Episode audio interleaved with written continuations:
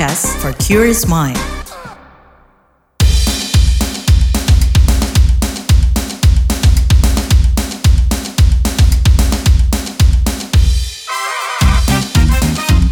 What's Trending KBR Pagi, siaran pagi radio paling update. KBR Pagi, siaran pagi radio paling update. Selamat pagi, apa kabar kalian semuanya di hari Rabu 12 April 2023. Kembali lagi saya Don Brady menjadi teman pagi hari kalian semuanya di What's Trending, KBR Pagi pastinya. Jadi hasil survei Lembaga Survei Indonesia atau LSI terbaru ini menunjukkan DPR dan partai politik menempati tingkat terendah terkait kepercayaan publik. Direktur LSI Jayadi Hanan mengatakan tingkat kepercayaan publik terhadap DPR lebih rendah daripada kepolisian KPK dan Kejaksaan Agung. Survei ini diselenggarakan LSI periode 31 Maret hingga 4 April 2023. Jayadi merinci DPR hanya mendapat 3,6 persen kepercayaan publik terkait laporan transaksi mencurigakan di lingkungan Kementerian Keuangan senilai lebih dari 300 triliun rupiah. Sedangkan Menteri Koordinator Bidang Politik Hukum dan Keamanan Indonesia Mahfud MD mendapatkan kepercayaan publik yang lebih tinggi yakni sebesar 63,3 persen. Tak hanya LSI, Lembaga Indikator Politik Indonesia juga mengcapture rendahnya kepercayaan publik terhadap DPR. Menurut Direktur Eksekutif Indikator Politik Indonesia Burhanuddin Muhtadi, kepercayaan publik terhadap DPR lebih rendah ketimbang Polri yang justru meningkat tingkat kepercayaannya. Kita bakal bahas lebih lanjut soal ini, tapi sebelumnya kita dengarkan dulu komentar warganet plus 62 berikut ini.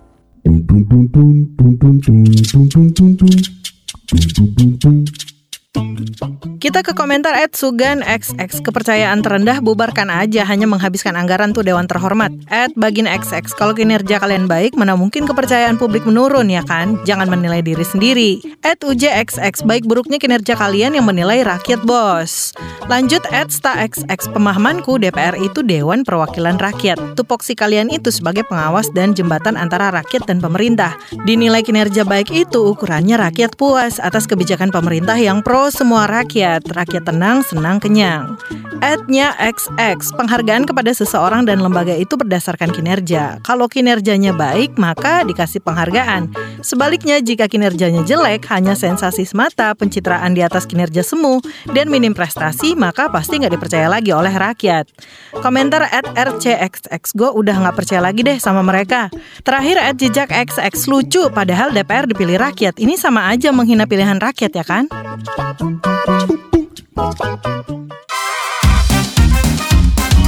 Trending KBR Pagi, siaran pagi radio paling update. Kita lanjutkan obrolan kita pagi ini. Jadi Direktur LSI Jayadi Hanan mengungkap rendahnya kepercayaan publik terhadap DPR dan partai politik berdasar hasil survei lembaganya.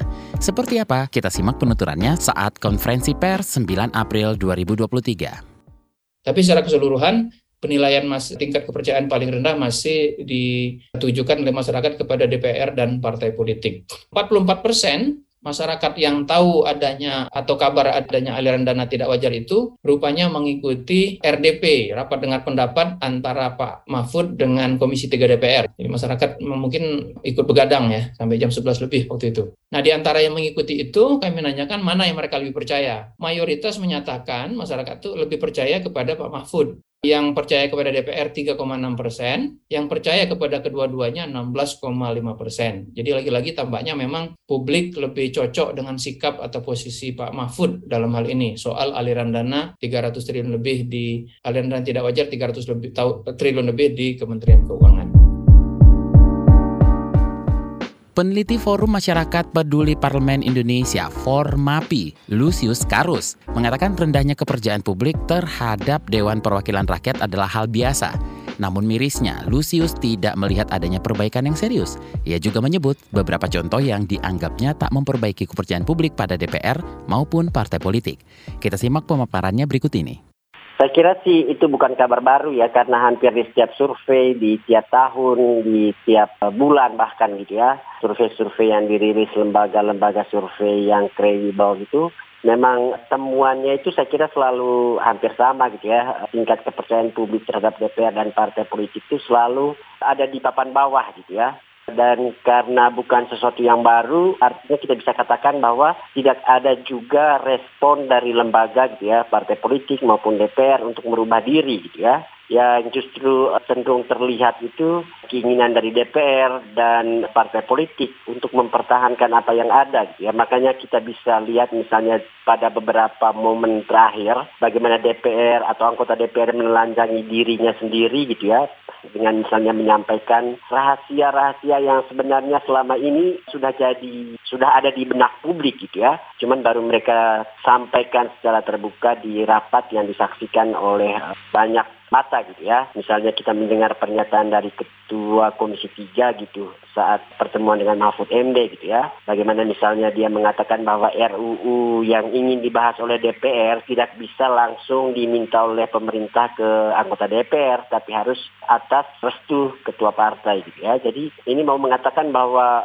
apa yang selama ini diyakini publik bahwa DPR itu hanya nama doang itu perwakilan rakyat tapi sesungguhnya mereka mewakili partai politik itu sesuatu yang sudah dikonfirmasi oleh eh, anggota DPR sendiri gitu ya. Dalam hal korupsi gitu anggota Komisi 11 misalnya pada rapat dengan Sri Mulyani mengatakan oke okay, boleh makanlah uang negara bisa atau sedikit-sedikit gitu ya jangan yang banyak-banyak atau yang gede-gede gitu ya. Itu kan sebuah sikap permisif untuk korupsi gitu ya. Lalu misalnya ada permintaan PK Sarung di Komisi 7. Jadi hampir semua komisi di DPR dalam beberapa waktu terakhir saya kira sibuk menelanjangi diri gitu ya mengungkapkan ke publik uh, apa yang sesungguhnya mereka alami selama ini sesuatu yang juga sudah diyakini publik. Ketika mereka kemudian menyampaikan itu ke publik, saya kira si publik semakin yakin dengan sikap yang selama ini sudah terbangun, sikap tidak percaya pada DPR, tidak percaya pada partai politik. Ya hal lain saya kira dari kinerja gitu ya yang setiap saat bisa kita uh, temukan atau bisa kita lihat di DPR khususnya dalam menjalankan fungsi-fungsi utama mereka gitu ya di bidang legislasi, di bidang pengawasan, di bidang anggaran. Saya kira belum pernah satu kali pun DPR 2019-2024 ini diapresiasi karena misalnya melakukan sesuatu yang merespon kebutuhan publik gitu ya. Yang justru mereka lakukan misalnya cepat sekali merespon untuk apa yang dibutuhkan oleh elit atau pemerintah, misalnya di bidang legislasi, gitu ya. RUU RUU yang uh, betul-betul diperlukan atau dibutuhkan oleh publik itu cenderung dibahas dengan dalam waktu yang cukup lama. Sementara RUU yang jadi kebutuhan elit atau pemerintah itu dalam hitungan bulan gitu ya bisa disahkan oleh DPR misalnya RUU IKN, kemudian RUU Cipta Kerja gitu ya. Jadi rupanya uh, kinerja DPR itu lebih banyak didorong oleh seberapa kepentingan politik. Newsbeat. Paus Fransiskus meminta Rusia merenungkan kembali langkah invasi militernya ke Ukraina. Pesan itu disampaikan Paus dalam misa di lapangan Santo Petrus, Vatikan. Paus juga mengajak masyarakat dunia membantu penduduk Ukraina menuju perdamaian. Dikutip dari Antara, Paus Fransiskus juga menyerukan upaya perdamaian di Timur Tengah. Seruan kali ini disampaikan secara lebih mendesak setelah terjadi kekerasan di Yerusalem dan baku tembak lintas batas yang melibatkan Israel, Libanon, dan Suriah. Ketegangan Israel-Palestina meningkat tajam sejak polisi Israel menyerbu jemaah yang tengah beribadah di dalam Masjid Al-Aqsa. Israel mengakui tindakan kepolisian yang memukul jemaat muslim yang beribadah di Masjid Al-Aqsa berlebihan. Bahkan Komisioner Kepolisian Israel, Kobi Sabtai, menyebut peristiwa tersebut merusak citra institusi kepolisian. Melansir The Times of Israel, Komisioner Kepolisian mengeklaim akan menyelidiki lebih lanjut peristiwa tersebut. Meski menganggap kejadian ini merusak citra kepolisian Israel, Kobi mengatakan video yang viral di jagat maya itu hanyalah gambaran kecil dari peristiwa tersebut tersebut. Sebelumnya Israel dituding menyerang Al-Aqsa sebanyak dua kali dengan dalih mencari provokator dan agigator. Pemimpin agama Buddha Tibet Dalai Lama mengungkapkan permintaan maafnya terkait tingkahnya di depan publik. Sebelumnya Dalai viral lantaran dirinya meminta seorang anak mencium dan menghisap lidahnya. Video berdurasi sekitar 2 menit itu pun langsung menghebohkan jagat dunia maya dan menuai kecaman. Melalui laman resminya Dalai menyampaikan permintaan maafnya kepada sang anak, keluarga dan semua orang di dunia yang geram akan persoalan tersebut.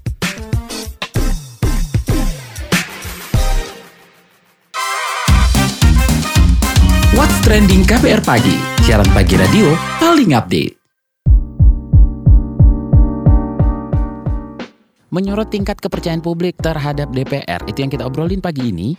Jadi salah satu contoh yang disebut Lucius tadi mengacu pada peristiwa yang belum lama ini jadi sorotan publik, yakni ketika salah satu anggota dari Lembaga Perwakilan Rakyat meminta sarung untuk daerah pemilihan atau dapilnya saat rapat kerja bersama Direktur Utama PT Pertamina. Lebih lanjut mengenai tingkat kepercayaan publik yang rendah terhadap wakil rakyat, kita obrolin bareng Direktur Pusat Kajian Politik Universitas Indonesia, Aditya Perdana. Pak Adit, tingkat kepercayaan publik yang rendah ke DPR ini apa faktornya dan sorotan masyarakat kepada mereka seperti contohnya ketika meminta sarung saat rapat apakah berpengaruh? Iya, kepercayaan rendah kepada DPR itu ya karena memang soal representasi ya. Orang bertanya soal makna sebagai wakil rakyat itu belum sepenuhnya di diyakini sama publik atau masyarakat itu sudah dijalankan oleh setiap anggota DPR. Jadi fungsi wakil rakyat sesuai dengan kebutuhan yang aspirasi dan kebutuhan yang diinginkan oleh masyarakat itu lagi dipertanyakan ya atau terus dipertanyakan. Nah, memang kalau dibicarakan soal aspirasi rakyat terutama di daerah pemilihan setiap anggota dewan itu kan memang sangat beragam. Jadi ada yang kebutuhannya terkait dengan permintaan perbaikan musola, terus kemudian jalanan, jalan raya, atau bahkan minta tangki air segala macam. Jadi beragam. Ya mungkin bisa jadi permintaan di dapil atau masyarakat kebutuhannya juga sarung atau sajadah gitu ya, macam-macam gitu. Jadi memang sangat beragam gitu ya. Jadi itu yang sebenarnya ketika misalkan survei itu mengungkapkan DPR itu dianggap nggak sesuai dengan aspirasi publik masyarakat itu yang disorot. Tapi memang DPR itu juga sedang berusaha juga untuk memenuhi. Cuman memang kan ini macam-macam caranya gitu ya untuk menyerap aspirasi atau mendapatkan respon dari publik. Gitu. Bisa jadi dengan cara-cara yang ingin dilakukan karena DPR itu kan juga tetap dia ingin berusaha terbukti kerja gitu ya ke masyarakat dengan cara ya memaksimalkan juga dana reses yang mereka miliki atau bahkan mungkin kerjasama dengan mitra kerjanya di DPR yaitu pemerintah gitu atau kementerian-kementerian atau lembaga pemerintah. Kalau soal tingkat kepercayaan publik yang rendah sendiri, seberapa besar pengaruhnya dalam jalannya pemerintah, juga demokrasi dan pemilihan umum? Tantangannya memang nggak mudah ya DPR itu untuk selalu menunjukkan bahwa mereka harus punya kontribusi real kepada masyarakat itu satu. Yang kedua adalah cuma pada sisi yang lain perilaku korupsi ya itu yang kemudian kita nggak nggak bisa toleran gitu ya. Dan itu yang kemudian misalkan gini mereka sudah berinteraksi cukup baik ya banyak gitu ya dengan apa program-program yang bermanfaat buat masyarakat. Tapi ternyata perilaku koruptifnya juga kencang juga gitu. Nah itu ya akhirnya kan kemudian malah menegas, menegasikan apa yang sudah dilakukan positif buat masyarakat. Tapi malah di situ juga yang malah mem memperburuk keadaan. Gitu. Nah itu yang nggak sejalan gitu menurut saya sih ya. Padahal mestinya itu bisa seharusnya ya korupsinya nggak jalan gitu ya. Tapi kerja-kerja real buat masyarakat juga tetap dilakukan. Nah itu yang saya melihat bahwa itu belum bekerja dengan baik sistem itu di di lembaga perwakilan kita gitu. Masih harus dioptimalkan lah kalau saya merasa begitu. Bagaimana mengembalikan dan meningkatkan kepercayaan publik? Ya partai politik ya harus berbenah lah. Sumber rekrutmennya itu kan di partai politik. Jadi pembenahan di partai politik, kaderisasi juga dibenahi dan sebagainya. Jadi menurut saya itu yang penting untuk bisa dilakukan gitu. Jadi bisa menghasilkan anggota DPR yang baik, bagus ya tergantung bagaimana partai politiknya untuk melakukan seleksi mana orang-orang yang punya kapabilitas, kemampuan dan sebagainya. Setiap partai punya mekanisme masing-masing. Kita bisa mendorong itu terbuka gitu ya. Tapi pada sisi yang lain mereka kan beranggapan bahwa kami punya jalur tersendiri dengan pelatihan ini, pelatihan itu, terus kemudian ada jalur organisasi organisasi yang harus dipenuhi untuk mengikuti ini mengikuti itu kan mereka punya ya. Jadi nggak bisa juga untuk kita dorong semuanya harus terbuka ya mereka punya caranya gitu ya. Dan itu kita kembalikan kepada partai bagaimana melakukan itu. Karena terbuka sekalipun juga nggak nggak nggak 100% akan menjawab persoalan gitu ya. Asal di karena kalau terbuka tapi dia nggak ada diklatnya, nggak ada pelatihannya, nggak pernah ada, udah ternyata banyak orang cabutan dari luar gitu ya, luar partai lain gitu kan, akhirnya malah malah merusak juga. Jadi partai sendiri juga masing-masing punya mekanismenya yang harus dihormati sih. Terima kasih Direktur Pusat Kajian Politik Universitas Indonesia Aditya Perdana.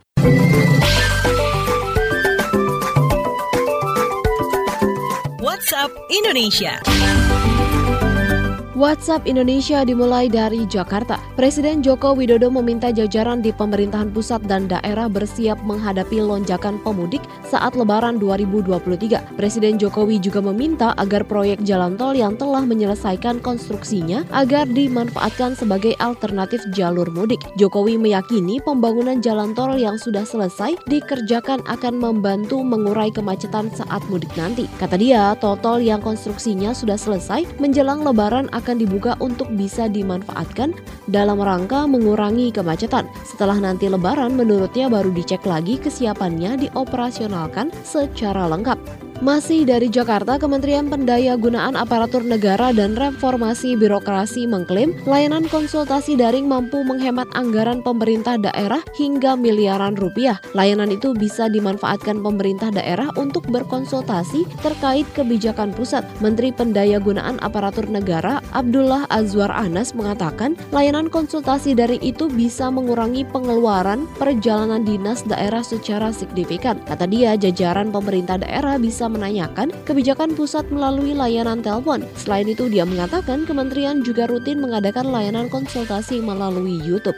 Terakhir mampir Solo, Pemkot Solo akan menerbitkan aturan pelarangan kendaraan dinas untuk mudik lebaran. Wali Kota Solo Gibran Raka Buming Raka menyiapkan sanksi tegas bagi aparatur sipil negara ASN yang melanggar aturan tersebut. Menurut Gibran, pengadaan kendaraan dinas itu dilakukan di berbagai lokasi yang mudah dalam pengawasan. Lebih lanjut, Gibran mengungkapkan aturan tersebut akan berupa edaran khusus perihal masa libur lebaran 2023. Pengadaan kendaraan dinas di lingkungan Pemkot Solo akan dilakukan sejak awal masa cuti bersama Lebaran 2023 yang dimulai 19 April 2023. Demikian WhatsApp Indonesia hari ini.